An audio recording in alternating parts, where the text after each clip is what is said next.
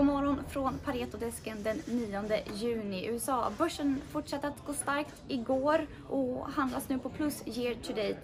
Alltså är hela coronafallet nu återhämtat. Och det var just bolag som drabbas hårdast under coronakrisen som bidrog till uppgången igår. Flygbolag, detaljhandelsbolag och kryssningsbolag.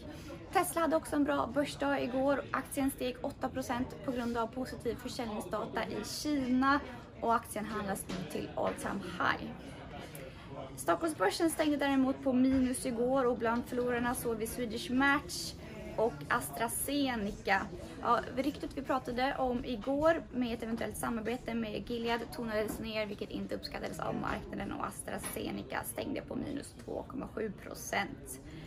Ehm, idag eh, så har vi fått en rapport från Systemair, ventilationsbolaget rapporterar sämre än väntat och rörelsemarginalen bland annat var sämre än vad man hade räknat med.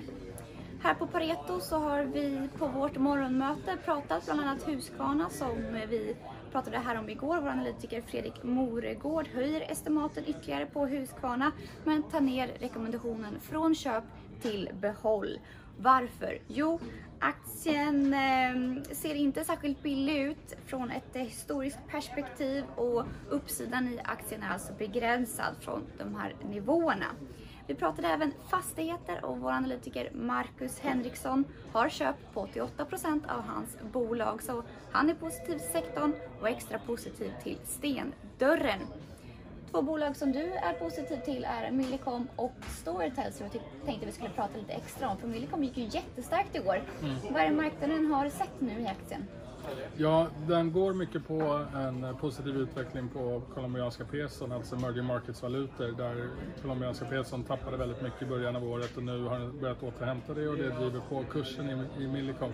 Sen anser vi att Millicom var extra nedtryckt även på egna ben så att säga och det tror vi har ihop med överhänget från Kinnevik-utdelningen att göra. Så att trots att vi ser eh, att den har gått starkt och vänt bra här så, så tror vi att den kan fortsätta. Det är fortfarande väldigt låga multiplar och har den bara stöd ifrån den här positiva utvecklingen i emerging market så, så kommer aktien gå vidare.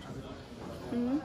Och sen så har vi Storytel, ett bolag som har gått väldigt starkt. Finns det någonting som talar för fortsatt uppsida i den aktien? Ja absolut, den är upp ungefär 70% sedan mars där så den har gått starkt. Eh, sen de senaste veckan så har den satt sig lite, den var ju uppe på 200 nivån och nu är den nere på 187.